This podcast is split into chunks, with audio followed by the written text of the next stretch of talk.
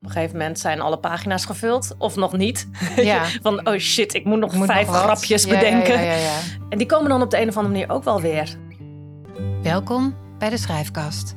De podcast voor iedereen die schrijft, wil schrijven of geïnteresseerd is in schrijven. In de Schrijfkast ga ik, Milo van Beek, auteur en schrijfcoach, in gesprek met inspirerende mensen uit het schrijfvak. In deze aflevering van de Schrijfkast praat ik met Elsbeth Teling, oprichter van de Club van Relaxte Moeders en auteur van maar liefst 10 boeken. Ik leerde Elsbeth jaren geleden kennen via Twitter en ging voor de club bloggen. Elsbeth leerde me focussen. Ze gaf me deadlines en een podium. Ik ontdekte dat wat ik schreef een snaar raakte en uiteindelijk zijn de blogs die ik bij haar publiceerde de basis geworden voor mijn nieuwe boek Doorbreek de Cirkel. Elsbeth weet als geen ander hoe je kort en bondig schrijft, keuzes maakt en ze is een vat vol inspiratie. Veel luisterplezier.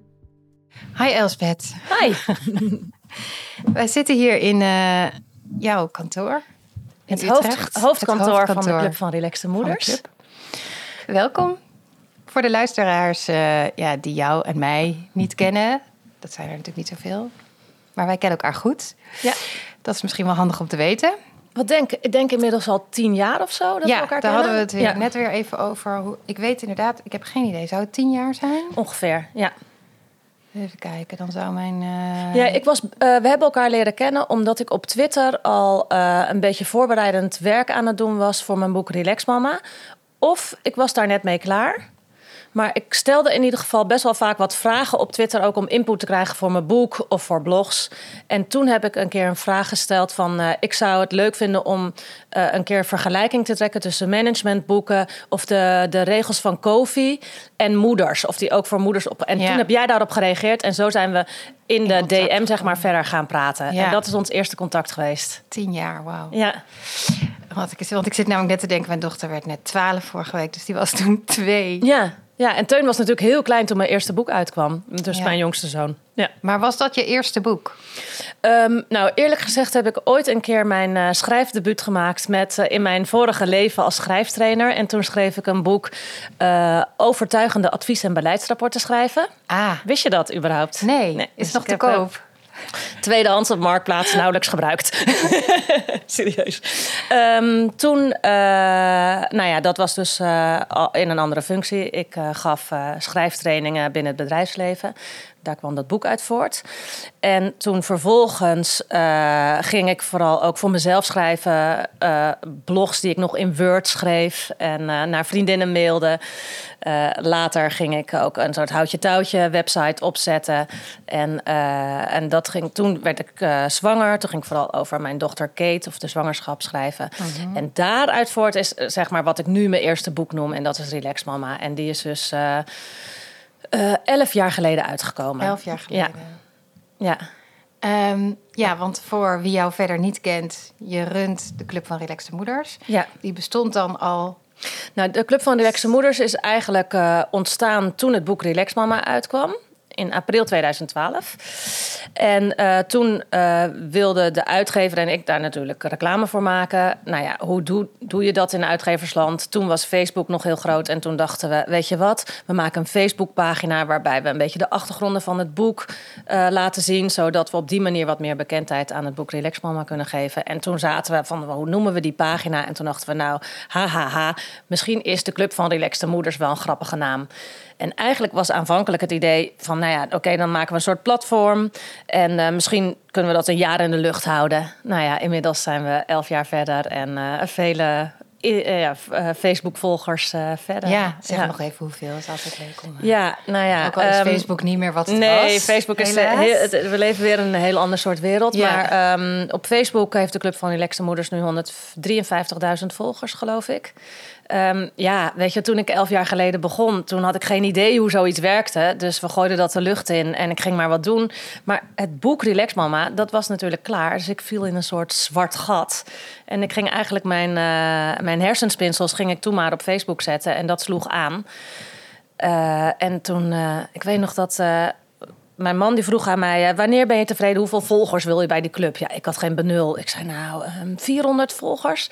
En toen zei hij, nou oké, als jij eh, 400 volgers hebt, dan krijg je een fles champagne. En dat ging eigenlijk best wel vlot.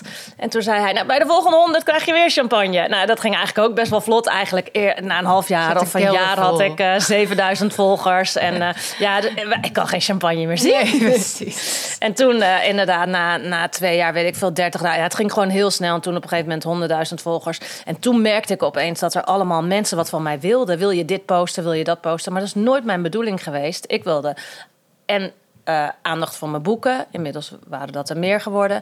En ik wilde moeders een hart onder de riem steken, laten lachen, ehm, dagelijkse herkenning geven. En ik heb nooit commerciële ideeën bij gehad. Maar toen iedereen aan mij eigenlijk eh, geld wilde gaan verdienen, toen dacht ik, nou, misschien moet ik daar toch eens over gaan nadenken. En pas toen, na drie, drie jaar of zo, vier jaar, toen ben ik pas eigenlijk de site ook gaan bouwen. Ja. En, eh, en toen kwamen er uiteindelijk, eh, moest ik er harder voor gaan werken. Want een site vullen is meer dan alleen een Facebookpagina vullen. Ja. En toen kwam eerst Sanne Windy als blogger erbij. Nou, later kwam jij ook, als, al heel snel kwam jij ook Ja. eh, voor mij bloggen, voor de club bloggen. En toen is het eigenlijk gegroeid tot nog een grotere community. Ja, Ja, maar eigenlijk, ja, dat was nooit de bedoeling. nee. Nee. Ehm, en dan zo nog even waarom je denkt dat het zo is aangeslagen. Maar je bent natuurlijk, want je vertelde al even, je werkte in het bedrijfsleven als schrijftrainer. En op een gegeven moment ben je daar gestopt Ja, en zelfstandig geworden. En ja. dit helemaal gaan runnen. Ja, nou, eh, toen ik eh, stopte eh, na mijn schrijftrainerschap... heb ik nog een tijdje als kennismanager bij PricewaterhouseCoopers gewerkt. Toen merkte ik dat het schrijven echt aan me ging trekken. En, en wilde ik daar wat mee. Ik was ondertussen zelf een keer een schrijfcursus gaan volgen... eh, verhalen schrijven, want eh, ik was niet getraind in, non- in fictie schrijven. En toen, eh, na die cursus verhalen schrijven, was ik zo enthousiast dat ik ook aan schrijfwedstrijden ging meedoen. En toen won ik op een gegeven moment een schrijfwedstrijd van de Volkskrant. Nou ja, dat was natuurlijk. Toen dacht ik, ja, dit is een teken, ik moet hier echt wat mee. En toen vervolgens ben ik op een gegeven moment gestopt met mijn baan en als zelfstandig tekstschrijver gaan werken. Ja, En toen eh, eh, deed ik vooral eh, commerciële tekstschrijfklussen. En ik had inmiddels contact gekregen met de uitgeverij Snor, die mijn blogs hadden opgepikt. En eigenlijk kon ik toen weg bij PwC. Ik zei, ik begin als zelfstandig, eh, ik begin als tekstschrijver. En by the way, ik ga een boek schrijven bij uitgeverij Snor. Dus dat was wel heel lekker weggaan daar. Ja, zeg maar. Ja. Dat je mooi. Ja. Ja. Ja. Nou, en dan die club werd dus een succes. ja, Wat niet per se jouw idee was, Wat- nee. maar wat wel zo. En waarom denk je dat het zo aan is geslagen of aanslaat nog steeds? Ik denk een paar dingen. Eh, ik denk, ik was er op het juiste moment. Mhm. Eh, ik, ik, eh, ik had de juiste toonzetting, denk ik. Want ik, ik, ik had het over het niet perfecte moederschap. Waar op zich al eh, Claudia de Brij ook al over schreef en Daphne Dekkers. Dus het was niet dat dat nog niet gebeurde. Alleen ik deed met korte en grappige dingen eh, op Facebook. En zoals je nu heel veel van die one-liners op Facebook hebt, dat had je toen nog niet zo heel erg. Ik eh, keek heel erg naar Amerikaanse sites en daar haalde ik ook wel mijn inspiratie vandaan en mijn ideeën. Ik maakte zo'n bingo-kaart met moederuitspraken en dat was toen nog best wel nieuw. Dus ik denk dat ik op het juiste is moment er was. gekopieerd door allerlei andere. ja. Nee, ik was daar dus eh, op het juiste moment en met de juiste toonzetting en, eh, en eh, herkenbaarheid voor mensen. Ja. En, en Facebook, als je toen iets op Facebook zette, bijvoorbeeld zo'n bingo-kaart, eh, die werd toen eh 9000 keer geliked en 3000 keer gedeeld. Dus ja, zo werd die Facebookpagina van mij natuurlijk heel snel groot. Ja. En op, nu, als je nu iets op Facebook zet, ja, dan mag je hopen, zo'n bingo-kaart. Nou, soms dan, als die echt aanslaat, dan wordt die nog wel eens duizend keer geliked. Maar meestal is het 100, 200. 300. Het is gewoon heel anders. En een Ja. blog, een blog mag je helemaal maar hopen dat je, dat, dat eh, Ja. door Facebook in de we het zo wordt nog wel even geslingerd. over hebben? Dat, Ja. Want dat lijkt me ook best wel frustrerend... dat je daar toch min of meer afhankelijk van bent. Hoe dat gelezen wordt. Dus dat het niks met kwaliteit te maken heeft... of met, maar met Ja, wie aan welke knop heeft gedraaid in Ja. eh, Ja. Amerika ergens. Ehm, maar nog even over eh, eh, de club in het begin en de blogs. ja, Ehm, jij, ging, jij wist ja, je deed behalve korte stukjes en deed, maakte je ook blogs. Ja. En je liet andere blogs schrijven. Was het meteen duidelijk voor jou waar die over moesten... Nou, niet waar ze over moesten gaan, waar ze aan moesten voldoen, tussen aanhalingstekens? Ja, eerst was dat denk ik een beetje eh, impliciet of eh, onbewust dat ik het wist. Dat ik aanvoelde wat voor een eh, toon ik wilde en wat ik wilde. En toen er steeds, toen er meer mensen voor mij gingen bloggen, toen heb ik het wel even voor mezelf op een rijtje gezet wat ik wilde. En dat was. Eh, ehm, het moet altijd een hart onder de riem zijn. Het moet nooit met een wijzende vinger zijn, nooit belerend. Eh, eh, het mag eh, wel met spot zijn, maar met zelfspot en met humor. En nooit andere mensen, andere moeders bespotten. Dus er zaten.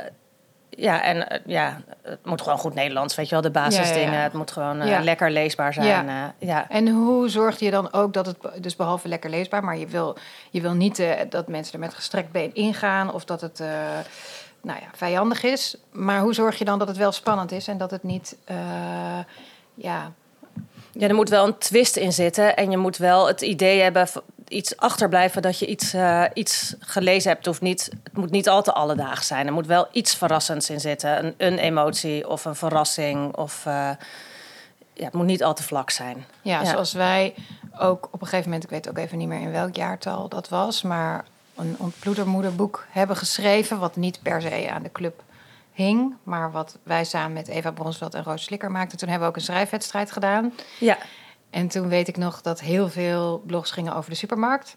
ja. Met je peuter naar de supermarkt. Ja. Wat op zich een hele geestige blog kan opleveren. Maar dan moet je net wel een verrassende insteek hebben. Ja. Niet dat je ja, zoiets hebt van, nou, dit heb ik al honderd keer gelezen. Ja. Ja, ja, dus dat is wel een van de, als we het hebben over de, de regels van het blog of van ja. kort, kortere of stukken schrijven over alle, ja, je kan prima over alledaagse dingen schrijven. En het moet niet over honderd dingen gaan, maar het Nee. moet wel. Het is maar, je hebt maar maximaal 400, 500 woorden. Dus het moet wel over één onderwerpje. Ja, er zijn heel veel eh, teksteisen eigenlijk eh, ja, die je meer dan daarop je kan leggen. Ja, precies. En eh, weet jij meteen als je het leest van wel of niet? Soms moet er misschien nog iets aan gebeuren, maar weet jij dan, ja, Je kan het wel redelijk snel zien. Na één of twee alinea's weet je het eigenlijk wel. Ja. Ja. ja. En waar ik ook goed over na heb gedacht, van wat zet ik daar nou... Ik heb wel goed nagedacht over ehm, wat is het doel van de Club van Relaxte Moeders. En dat is echt herkenbaarheid, hart onder de riem, mensen laten glimla glimlachen. eh, ons als club, weet je, een beetje een vriendinnenclub. Dus eh, als er bijvoorbeeld een nieuwsitem is over eh, wat heel veel discussie oplevert, dan zal ik twijfelen om daar iets over op de club te zetten. Want ik heb besloten dat ik geen discussieclub wil zijn. Weet je wel, er zijn al zoveel meningen. d- daar kan je ergens anders op internet kan je dat wel vinden. En bij mij moet je wel een beetje gewoon een. Het moet wel feel good zijn. Ook, ook al wordt er gehuild en ook al gaat het over iets verdrietigs, dat mag ook wel. Dan is die herkenbaarheid die we ook allemaal prettig vinden.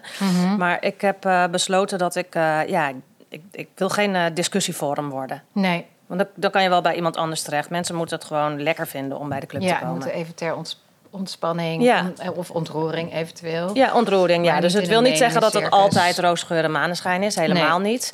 Want juist door aan te geven... Want mensen zeggen ook vaak... Nou, ik vind jullie helemaal niet relaxed. Hè? ja, ja, ja, ja, vaak ja, die stukjes inderdaad over ja, ja, stress ja. gaan. Maar ja, het idee is juist dat als we aan elkaar toegeven... dat het hele ouderschap niet altijd relaxed is... als we dat toegeven, dan wordt het wel een stuk relaxter. Dus Ja. eh, dat is... De Club van Relaxte Moeders is natuurlijk een titel met een knipoog. Ja. Ja. ja, precies. Dat kan ik me ook nog herinneren. Ja, dat ik wel eens eh, die opmerking Ja, heb want we zijn gekregen. inderdaad allemaal niet relaxed. ja. Nee, het is, ik denk, eh, misschien is het sowieso, als je besluit om erover te schrijven, dan moet je al bijna eh, een- procesje door, omdat je moet weten waar, je, waar het echt over gaat en, Ja. en wat je bezighoudt. En dan ben je al ja, heel erg bezig met je moederschap en Ja. met jezelf als moeder. En dan En als het allemaal, als je alleen maar zou schrijven hoe relaxed het is, dan wordt het Nee, verdomd dan- oninteressante Ja, precies, stukjes. Ja. Precies, ja. Ja. Ja. dus, eh, dus wat ik altijd zeg, het moet een randje hebben. Eh, eh, zeg jij eigenlijk van het, het moet een, bijvoorbeeld een bijzondere invalshoek hebben. Waardoor het... Of het moet iets zijn wat je heeft verbaasd, wat je heeft ontroerd, dat Ja. soort dingen. Ja. Ja. Is dat. ah ja, ik ben net een retorische vraag bijna, want ik wilde zeggen: is dat moeilijker dan je denkt? Waarmee ik al impliceer. Denk je wel eens dat het wordt onderschat ook om boeiend te schrijven over ehm, het moederschap? Of het wordt onderschat. Ja. Ja, weet je, het, het- maar alles lijkt makkelijk als je het niet zelf doet. Je denkt ook dat je zelf goede foto's kan maken, terwijl een fotograaf toch echt betere foto's met alles. Het is eigenlijk fijn als het er makkelijk uitziet, toch? Dan hoort het zo te zijn. Ja.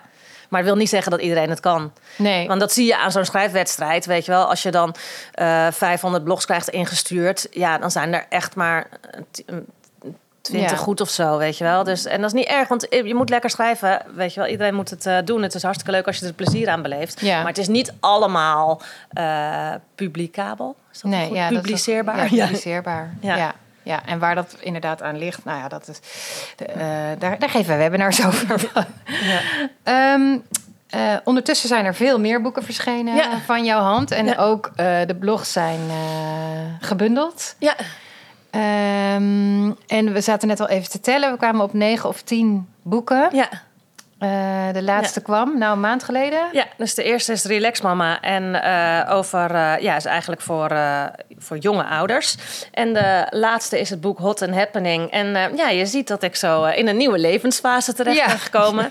Dit is een boek wat ik eigenlijk nooit per se had willen schrijven. En waar ik heel erg voor weggedoken ben. Maar blijkbaar moest het er toch uit. En het is, ja, Hot and Happening gaat, er zijn 101 tips om relaxed te blijven tijdens de overgang. Ja. En het is eenzelfde soort boek als Relax Mama, maar dan dus over een nieuwe levensfase. Ja, wat maar, natuurlijk ja, eigenlijk volkomen logisch is. Ook Ja. al wil je er niet aan. Maar het zou gek zijn als jij altijd... ja, maar het is eigenlijk wel dezelfde insteek. Ze zijn eigenlijk weer allemaal hard onder de riemen. En ik ben niet de expert, ik ben niet een overgangsexpert, maar ik ben wel een ervaringsdeskundige die Mhm. een beetje vanaf een afstandje en met humor eh, probeert ehm, het wat luchtiger te maken. Dat Ja. vond ik wel leuk. Een vriendin van mij die eh, zei, ik vind het dat, ze- dat ze het heel tof vond geworden. En zij zei, dat is jouw kracht, lucht brengen in moeilijke situaties. Ja. En dat vond ik echt een heel fijn en Ja. mooi compliment. Ja, zeker. Ja, Ja. en het, ze zijn heel herkenbaar in principe, jouw boeken. Mam You Can misschien als enige in een wat andere stijl, maar ook bij een andere uitgever. Ja. Maar verder zijn ze heel herkenbaar in stijl en eh, hoe ze eruit zien. Is dat eh, bewust dat je elke keer wel eenzelfde... Nou, ik ben natuurlijk met Relax Mama bij eh, uitgeverij Snor gekomen. En zij hebben ook een heel duidelijke signatuur met eh, mooie illustraties. En hun boeken zijn altijd eigenlijk een feestje en een cadeautje om in je handen te hebben. Dus de boeken die ik bij uitgeverij Snor heb uitgebracht, die zijn inderdaad allemaal van, eh, ja, die zien er zo uit. En het leuke is dat heel veel boeken die even in de winkel liggen, die gaan daarna ook weer eruit. Dan worden ze weer vervangen door andere boeken. Maar ehm, bijvoorbeeld Relax Mama, die ligt dus al elf jaar in de winkels. En die wordt gewoon nog steeds verkocht als kraamcadeautje veelal. Ja. Ja. en dat is dus wel leuk. En dat is dus het voordeel van... Dat, ik hoop dat dat met Hot and Happening ook gebeurt. Dat dat gewoon, eh, ja, van omdat mond op mond reclame Ja, en is. het en thema is zo gaan- tijdloos. Het Ja. blijft natuurlijk altijd Ja. vrouwen moeder worden en Ja, vrouwen in de want zit, ik heb, eh, ehm, nou ja, dat zal dan eh, negen, nou, weet ik veel hoe lang geleden, maar het zal een jaar of acht geleden zijn dat ik het boek over 40 worden, ook bij uitgeverij. Snor. Ja, dat is ook zo'n cadeautje wat altijd nog gegeven wordt. Ja. En is dat wat, er, wat je leuk vindt aan boeken maken? Dat het dus iets heel tijdloos eh, en ook blijvends is, tastbaars? Ja, zeker. Maar ik vind het dus ook jammer dat dat boek van ons eh, van achter de bank tot over je oren. Ik denk dat dat een superleuk opvoedboek is. En Mhm. ik zou dat iedereen gunnen die nu nog kleinere kinderen heeft. En die is nu niet meer te krijgen, omdat er andere mensen en bekende Nederlanders en weet ik veel wat allemaal alweer nieuwe opvoedboeken hebben helemaal niet meer geschreven. Nou, zal hier en daar af en toe nog ergens liggen, denk ik. Maar eh, ja, je bedoelt dat hij niet meer zo in de winkel ligt. hij ligt niet meer in de winkel. Nee, nee. En dat vind ik wel super jammer, want ik denk het is een heel leuk boek. Mhm. Ja, dus eh, het gaat niet altijd op dat het natuurlijk tijdloos is. Nee, zeker Nee. niet over. Nee. Ja. Maar in jouw geval. Ja, nee, ik vind hem, Voor jou wat ik het leuke vind is, eh, ja, ik vind vooral het maken ook heel erg leuk. Wat is En leuk dat aan het maken?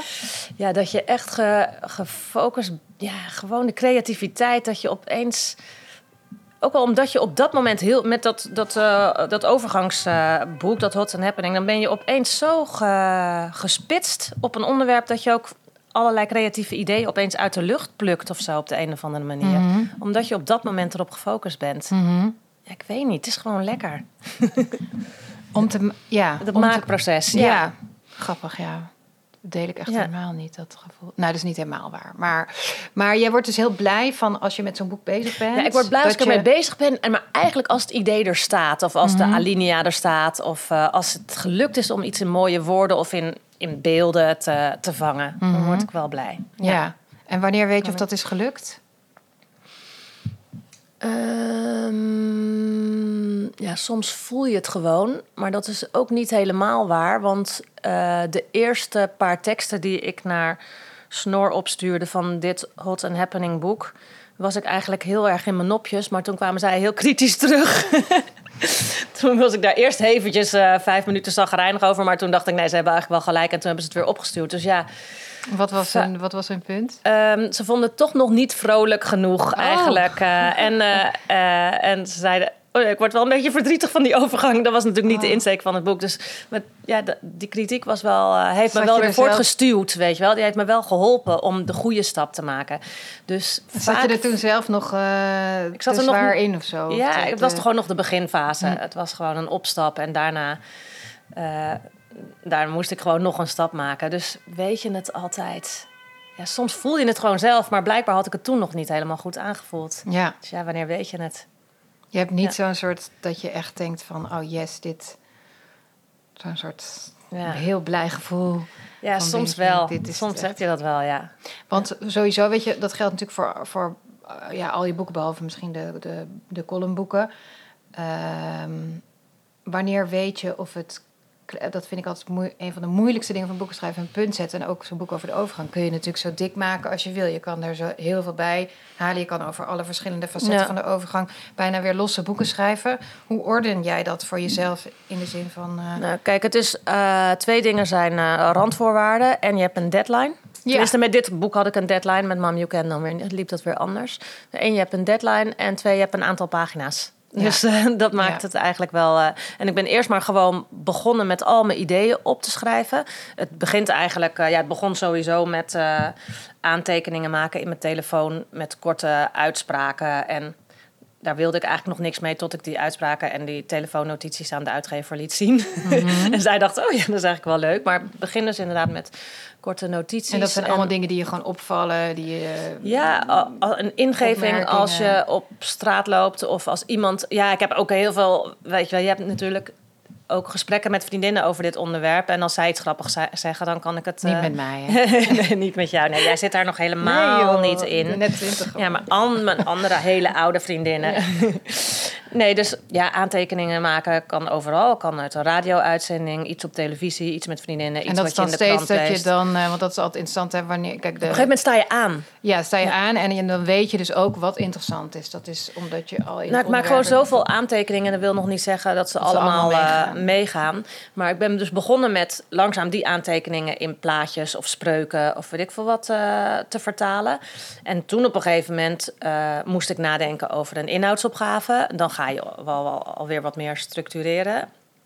Ja, en op een gegeven moment zijn alle pagina's gevuld, of nog niet. Ja. Van, oh shit, ik moet nog moet vijf nog grapjes bedenken. Ja, ja, ja, ja, en die komen dan op de een of andere manier ook wel weer. Ja. Toch had ik opeens, de laatste drie pagina's, had ik opeens weer ideeën die ik zelf echt heel grappig vond. Ja, ja soms kan ik mezelf ook heel grappig vinden. dat dus, helpt wel, denk ik.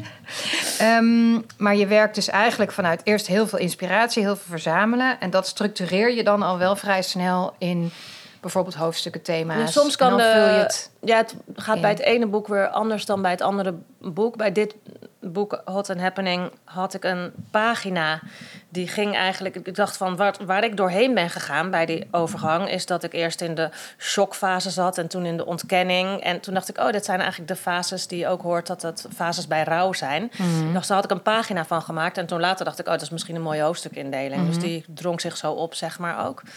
Maar bij bijvoorbeeld mijn boek Mom You Can, wat eigenlijk een soort managementboek voor moeders, zelfhulp, managementboek ja, voor waar we over Twitter, ja, op Twitter contact over tien jaar geleden ooit eens contact over hebben. Dat is dan drie jaar geleden ontstaan. En dat, die structuur is eigenlijk uh, tot stand gekomen doordat ik gewoon maar bleef mindmappen over dit onderwerp. En, uh, en sparren met de uitgever, business contact. Wat is eh, mindmappen voor mensen die dat niet... Uh... Ja, ik, als ik over wat ingewikkeldere onderwerpen nadenk... en soms ook over een blog of over een webinar vormgeven... dan pak ik een uh, groot vel en daar zet ik in het midden zet ik, het onderwerp. Nou, zeg dat het onderwerp ouderschap en werk is. En dan ga ik daaromheen allemaal grote termen zetten en daaromheen weer termen. En dan maak ik zo'n hele spinnenweb mindmap uh, met allerlei woorden en tekeningetjes. En zo probeer ik wat helderheid in mijn hoofd te krijgen. En daar ontstaat dan vaak wel een structuur uit. Ja. Dus zo is eigenlijk Mam You Can. Ik heb eigenlijk Mam You Can, wat dus gaat over uh, meer geluk in werk en ouderschap. Dat boek heb ik ook eigenlijk op één A4'tje helemaal in kleine aantekeningetjes staan. En dat is eigenlijk ook het boek geworden. Ja. Van weet ik veel hoeveel pagina's. Ja. ja. Dus dat, dat helpt. Dus ik haal mijn inspiratie uit. Uh, rondfietsen en overal en nergens. Mhm. Ook gewoon door soms te, te googelen op hele gekke aanpalende dingen die nergens op. Uh, ja, kan ik gewoon door gekke dingen te googelen, kan ik ook soms uh, Die wel iets met het thema te maken hebben. Ja, of, ja, of maar... ja, weet ik veel. ik zit te kijken of ik iets kan vinden. Nee. Ja, want jij hebt natuurlijk heel veel creativiteit nodig in je boek of nodig. Jouw, jouw boeken worden gekenmerkt door dat er veel beeld, veel grapjes, veel textuele dingetjes in zitten. Ja, dus heb je dat ook heel erg nodig. Ja, dus of door dingen die ik gewoon uit de lucht pluk, zeg maar, bij wijze van spreken. Of ik ga gewoon echt voor zitten en echt eventjes weg van mijn beeldscherm. En mhm. echt met pen en papier uh, zitten en gewoon uh, mijn gedachten op papier zetten. Dat kan mij ook heel erg helpen. En zo kan het ook ontstaan. Ja, En, je, en, en als het dus, zoals bij Mam You Can, maakt hij een mindmap. Dus dat is, dan probeer je dan dat is ook heel veel associëren, heel veel opschrijven en dan uiteindelijk dat terugbrengen tot één A4'tje. En dat kwam allemaal uit interviews die ik met uh, vrouwen had gehad. Hè? En dan ging ik die interviews uh, wel uittypen ook, maar ook gewoon in steekwoorden opschrijven. En wat, uh, wat haal ik hier uit? Ja. ja. Helpt het als je heel veel blogervaring hebt als je een boek, boek wil maken? Ja, ik denk het wel, ja. Maar dat komt, ja, ja, voor mij helpt het wel, want in Mam You Can zijn ook wel delen van mijn blogs terechtgekomen. Mm Die ik dan verbouwd heb of uh, soms wel één op één erin heb gezet. En mhm. het is ook wel fijn dat je dingen beter onthoudt als je erover geblogd hebt. Ja. Dat is ook wel, de herken je En in de zin van, ja, en in de zin van een blog is natuurlijk... Ja, je kan geen, maak geen blog van duizend woorden, van 2000 of van 3000. Je bent heel erg gedwongen om... Ja. Te ja. om echt te moeten weten waar het over gaat. Ja, precies. Want ik had uh, vorige week een blog geschreven over, uh, over Teun die uh, niet van sporten houdt. En dat blog dat ging uiteindelijk eigenlijk over dat je dus goed naar je kind moet kijken wat hij echt leuk vindt. En dus uh, daar hem in volgen in plaats van je eigen verwachtingen die je mhm. hebt. Want het sluit waarschijnlijk aan bij het boek wat jij uh, nu binnenkort gaat uitbrengen. Maar dat je inderdaad kijkt naar de boevenogen van je kind en dus niet naar je eigen verwachtingen. Ik had, wel, mhm. iets, ik had wel een iets sportiever jongetje verwacht. Mhm. maar dat doet hij. Dus uh, het ging eigenlijk ook... eigenlijk wilde ik ook een blog schrijven over, over um, onbevooroordeeld naar je kind kijken. Of hoe noem je dat nou? Nou, kan ja, voor geen verwachtingsloos, hoe noem je dat? Ja. Maar ik had eigenlijk nog allerlei dingen erin willen schrijven. Ook dat hij heel anders is met vriendschappen dan dat uh, mijn man en ik zijn. Wij hebben honderdduizend vrienden om ons heen en hij kan het met één, twee, drie vrienden af, weet je wel. Mhm. Maar ja, dat was, werd te veel voor dat blog. Dus je moest, ik heb gefocust uiteindelijk op zijn hobby's. En dat mhm. hij daar, eh, dus, dus ja, je moet inderdaad klein kiezen blijven. En dan eventueel die bewaren voor een andere. Maar dat is ook altijd wel interessant met bloggen. Van hoe, we, hoe weet je dan dat je, ja, behalve dat je een aantal woorden ja. overschrijdt. Uh, want dat zal je ook regelmatig terug moeten geven aan uh, je bloggers. Ja, nou ja, en ik laat het ook wel door uh, anderen lezen. Ik bedoel, dit blog heb ik bijvoorbeeld ook aan Sanne, een blogger van uh, ons en kantoorgenoot van mij, dat laat ik heel vaak even meelezen. En dan kan zij ook wel eens zeggen van, nou ja, dit kan je net goed uitlaten of weet ja. ik wat. Dus ik vind het wel... Kill your darling. Ja, dus uh, inderdaad, het bloggersteam stuurt blogs naar mij op. En die lees ik behoorlijk kritisch. En, um, en dan gaan we er, of, of hij is in één keer, ben ik in één keer heel enthousiast. Mm -hmm. Of we gaan er samen een beetje aan schaven. En ja, dat is wel een heel leuk proces, want je en dat vind, ja, over het algemeen vindt iedereen dat altijd wel leuk. Dat je gewoon samen naar een mooier product nog uh, gaat. En uh, doordat je natuurlijk zoveel ervaring hebt met blogschrijven en ook lezen en becommentariëren, ben je natuurlijk ook goed geworden in het, het zien, nou, het, het moeten kiezen. Ja. En het bij één onderwerp moeten houden. Soms heb je nog wel iemand anders nodig die dan zegt: dit kan er wel uit. Maar de, ik kan me voorstellen dat het je helpt. Want je boeken zijn ook vrij compact. Je maakt ja. geen. Uh, ja, het is wel grappig. Want, uh, ja, maar het is wel grappig. Want toen ik ooit begon als uh, tekstschrijver. Toen dacht ik: ik ben van de long copy. En ik ben niet van de short copy van wat reclamebureaus doen en weet ik veel wat. En eigenlijk, nou ja, toen eigenlijk is het dus iets, eh, ja, ben ik eigenlijk gewoon heel erg van de korte ko- kopie geworden. Ja. Maar dat heb ik nooit, wist ik niet van mezelf. Met Relax Mama, dat was namelijk aanvankelijk, had eh, uitgeverij Snor mij gevraagd van, wil jij een eh, boek schrijven voor moeders? En we gaan het noemen Echte Moeders, was geloof ik aanvankelijk het idee. En dat werd een boek met wat langere teksten. Maar het, het liep niet helemaal. Zij waren niet helemaal, het werd zo'n, ook zo'n boek waar er al heel veel van waren. En toen kwamen zij uiteindelijk met het idee, misschien moet het korter en bondiger. En toen ben ik een beetje gedwongen door hun om in die, eh, in die korte zinsnedes en die plaatjes te gaan denken. En dat heb ik eigenlijk geleerd daar. En, Ja. eh, en toen bleek dat eigenlijk me heel goed te liggen. Ja, Ja, het is heel eh, grappig hoe dat Ja. gelopen is. ja. Ja. En hoe kijk je daar nou dat je, nu- nou, behalve dat je zoveel volgers hebt, heb je dus ook, was het nou tien of elf boeken? Ben ik- 10, 10, 10, 10. Gaan we er Met hot en happening erbij bij. is 10. Ja. Ehm, hoe kijk je daar? Had je dat ooit eh, voor mogelijk gehouden? Nee, had ik natuurlijk nooit verwacht. Een boek per jaar bijna. Ja, had ik natuurlijk nooit verwacht. Nee. Nee, ik heb, ja, het is echt. eh, doordat ik Relax Mama ben gaan schrijven, heb ik wel eigenlijk gewoon een totaal ander leven gekregen dan eh, tien jaar geleden. Ja, Ja.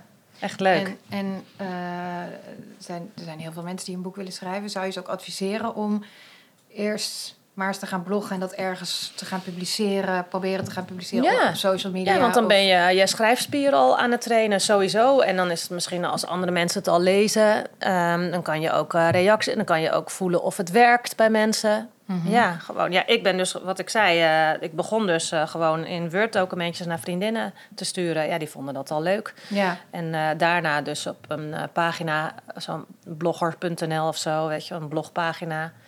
Toen da- deed ik het allemaal nog want is anoniem. het, is het, heeft het jou geholpen om het wel snel ook te gaan delen? Dus dat je er ook... ja, ik was ook niet bang om te delen. Nee, hè. precies, dat, dat, zit dat wil ik ook nog vragen ja. met die boeken. Van, ben je wel eens onzeker daarover? Mm, Je nee, eigenlijk bent niet. natuurlijk zo gewend Ja. om te delen op een gegeven moment. Ja, maar Ja. dat vond ik eigenlijk vanaf het begin. Ik vind het gewoon altijd al heel leuk om te laten lezen. Ja. Ik laat ook al eh, gelijk aan, eh, aan mijn man lezen. Die eh, is eigenlijk meestal mijn eerste lezer. Of meestal lees ik het voor aan hem. Ik Oh ja? het- ja?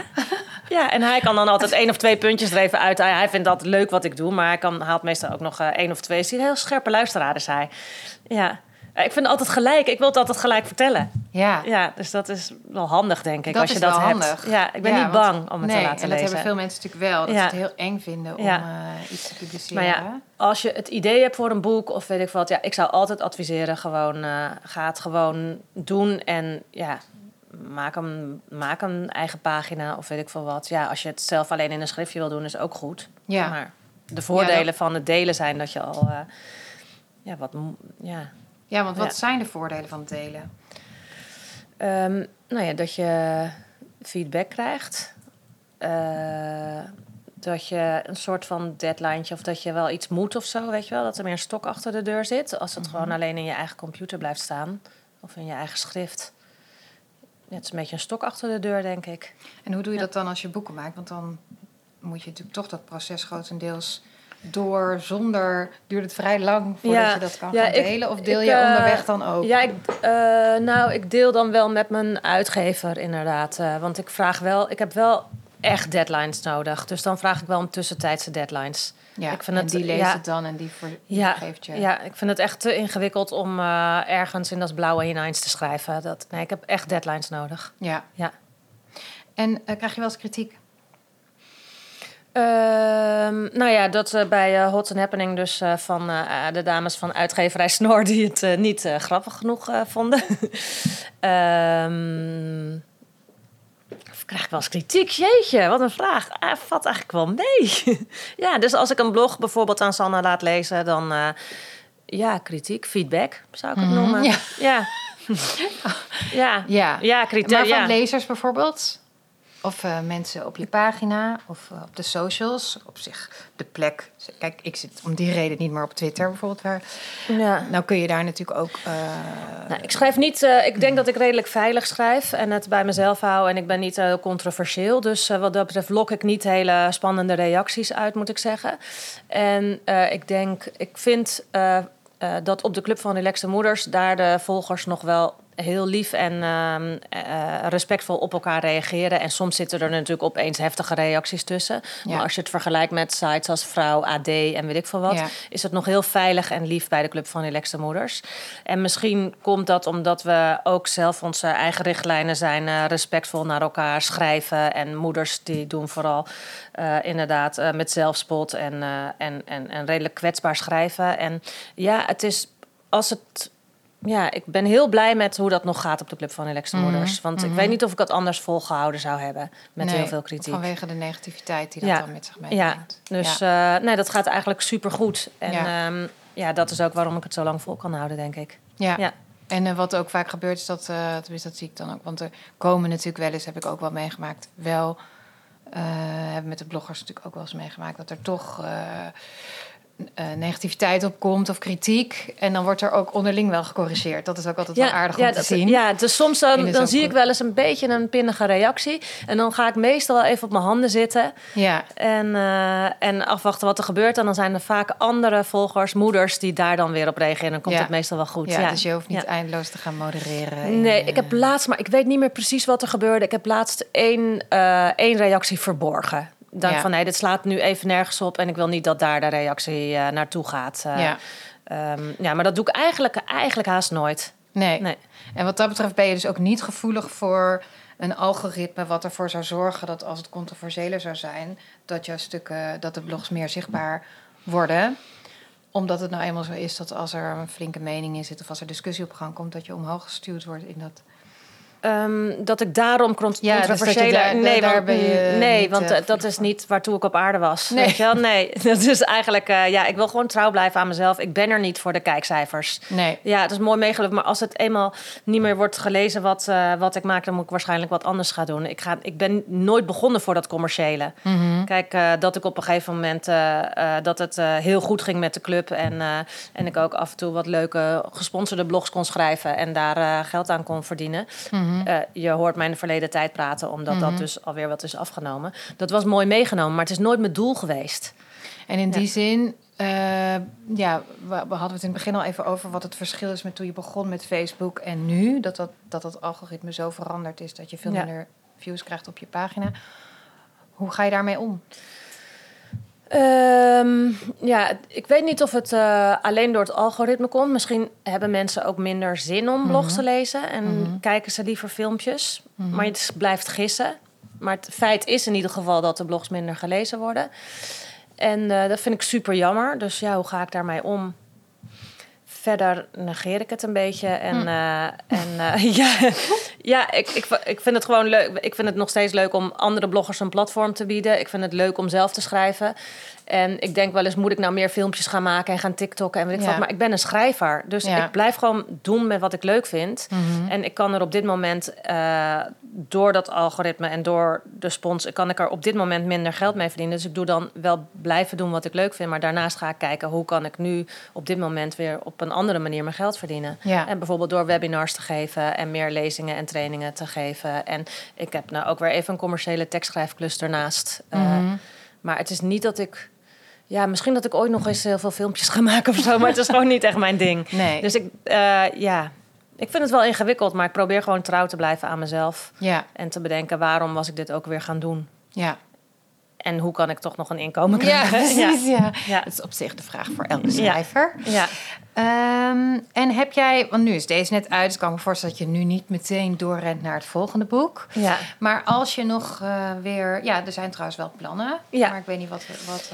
Nou, ik heb natuurlijk het boek eh Mom You Can voor meer geluk en werk en ouderschap geschreven. En ik wil daar graag een vervolg op maken, wat eh, iets meer de diepte en iets meer een doeboek Mhm. gaat worden. Mm, Dat had ik eigenlijk al voor dit jaar in de planning, maar bleek toch lastig zijn om twee boeken tegelijkertijd te schrijven. Dus ik heb dat, eh, dat is even stilgelegd, dus daar wil ik eh, mee verder. En ik ben ook nog bezig met webinars en een online cursus samen met eh Tisha Neven. En ik ja, hoop dat dat andere boek in de slipstream daarvan ook alweer kan opstarten. En qua schrijven, heb, zou je, heb je dan nog wel eens hele andere wensen van dingen die je nog eens een keer zou willen doen? in deze tweede fase van, mijn je- leven, derde fase van mijn Derde? leven. Ja, eerst ben je het, het onschuldige Oh ja. meisje. En daarna word je de vruchtbare vrouw. En Oh nu ja. ben ik eh, Oh, grappig, de coole ja, chick. zo. 025, 25 Ja, het is de derde Eh, fase dus van ons de eh, vrouwenleven. fase. Ja, klopt inderdaad. Ehm, ja, nou, het lijkt me best wel tof om een keer iets, iets meer fictieachtigs of zo te schrijven. Maar ik weet niet of dat ooit nog iets met, iets met een familiegeschiedenis of zo. Ooit. Ik heb best wel een interessant eh, eh, eh, stuk familiegeschiedenis. Maar of dat ik daar ooit aan durf of wil te beginnen. Misschien moet ik dan nog een cursus bij jou gaan doen. ooit. Ja, ik weet het niet.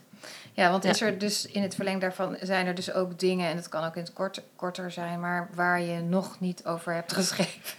of wat je niet, wat je toch eh, wel eigenlijk zou willen, maar wat of niet past bij de club, of wat je zelf nog, waar je nog niet aan toe bent, ondanks deze levensfase van. Ja. Nee, niet dat ik nu... Ik heb nu niet een idee. Maar ja, wat ik zei, dat overgangsboek had ik, had ik ook nooit verwacht dat ik dat zou schrijven. Nee. Dus soms, soms trekt er iets aan je. En dan komt het opeens. Ja. Maar dat heb ik... Ja, dus die familiegeschiedenis die zit wel vaak in mijn hoofd. Maar ja, dan moet je daar gewoon echt tijd voor nemen en echt induiken. Dus wie weet, wie weet, komt dat ooit. Trek nog Ja. niet hard genoeg. Nee. Voor, eh. Nee. Dus voor nu, eh, ja, en je, en je gaat niet nog een hot and happening eh, community maken. Nee, want weet je hoeveel tijd dat allemaal kost, joh? Ja, ik heb er wel over nagedacht. Maar ehm, ja, als ik daar weer een community... Dan, nee, dan heb ik, dan heb ik een tweede leven nodig. Dus Ja. heb ik niet. Oké, nou en tot slot, als we, eh, ja, wij gaan ongetwijfeld nog een webinar organiseren. Eh, binnenkort daar ga ik nog wel wat over zetten in de show notes. Maar als je mensen dus nog tips die echt toch willen gaan bloggen, ondanks deze tijd van TikTok.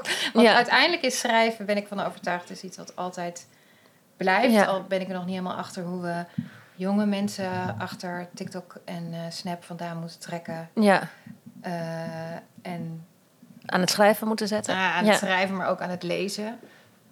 Dat weet, dat weet ik niet goed. Terwijl ik er tegelijkertijd van overtuigd ben dat schrijven altijd zal blijven. Ja, Want het is natuurlijk toch, blijft iets heel anders om nu met het boek, dat boekje op de bank te gaan zitten.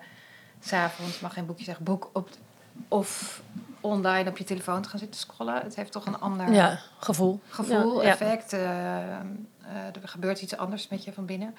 Ehm, dus mensen die dat toch nog zeggen, ondanks deze tijd wil ik echt gaan bloggen. Dan zeg je dus van ga het vooral doen. Ja. Begin een, zoek een plek waar je dat kan delen. eh, zodat je mensen kan laten lezen wat je schrijft. Ja. En is het ook nog iets dat je ze zou willen aanmoedigen om te doen in de zin van wat brengt het je? Daar kan ik natuurlijk ook wat, wat over zeggen, maar wat brengt het je om te delen wat er binnenin je leeft of om dat de wereld in te zetten? Ja, dat of dan in blogs of in boeken of in. Het brengt je dat je en zelf nadenkt over, eh, over je eigen levens, je gevoel, je weet ik wat. Dus het brengt jezelf eh helderheid. Het brengt je. Nou, het heeft mij ehm, mijn herinneringen verstevigd. Sommige dingen zou ik denk vergeten zijn als ik er niet over geschreven had. Dus het, je kan is een beetje, mooi. het is een beetje een tijdscapsule. Ik heb echt. Ik heb niet zo'n heel goed geheugen, maar doordat ik een heleboel dingen heb opgeschreven, weet ik dat nog wel. Dat vind Ja. ik eigenlijk heel mooi. Dus het is een heel mooi document voor jezelf. Ja. Eh, het brengt eh, openheid eh, naar anderen, waardoor je ook dieper in contact kan komen met anderen, doordat je Mhm. gewoon eh, meer deelt met elkaar. Eh, ja, en mij heeft het natuurlijk superveel gebracht Ja, ja, ja. uiteindelijk. Het heeft mij ook nieuwe contacten gebracht. Het heeft me ander werk opgeleverd. Het heeft mij een heel ander leven opgeleverd. Ehm, maar ik denk, eh, ja, ja, het levert reactie van andere mensen op. Ja. Dat denk ik. En, eh, en dat is ja, en verbinding met andere mensen. Ja. En dat is gewoon superleuk. Ja. Ja. en ook wat ik heel erg merk, is als het ook soms over moeilijke dingen gaat, dat je dan ook daarmee een soort van anderen die dat nog niet durfden te delen. Ja. Of die, die zaten, Nee, dat je andere ja, mensen ermee helpt. Die dat is, bevrijdt je bijna, ja. die, die, die geef je ook een zetje ja. eh, om daar ook over te gaan praten. Ja. Het biedt een, een Ja, en dat hoop ik. hoop ook wel andere mensen andere inzichten te geven. Ik hoop dat als ik schrijf over Teun, die eh, dus eh, totaal niet sportief is, wat ik eigenlijk dus soms jammer vind, maar dat ik door goed op hem te letten hij andere dingen ontwikkelt, dan hoop ik dat andere mensen ook soms denken: oh ja, misschien moet hij ook van voetbal af. Hij is Ja. hier helemaal niet gelukkig. Ja. Dus ik hoop ook wel andere mensen. Je hebt eigenlijk een beetje een voorbeeldfunctie, hè? ook zo bij. Je gaat voor. Ja, ja, nou ja, dat In- hoop ik dan inderdaad. eh, Ja, dat dus- mensen er wat aan hebben. Dat hoop ik absoluut wel. Ja. Ja. Ja. ik schrijf niet helemaal voor niks. Niet alleen maar voor mijn eigen. Ja, ik schrijf absoluut helemaal voor mijn eigen plezier. Maar ik hoop ook wel echt dat mensen er wat aan hebben. Ja. Ja.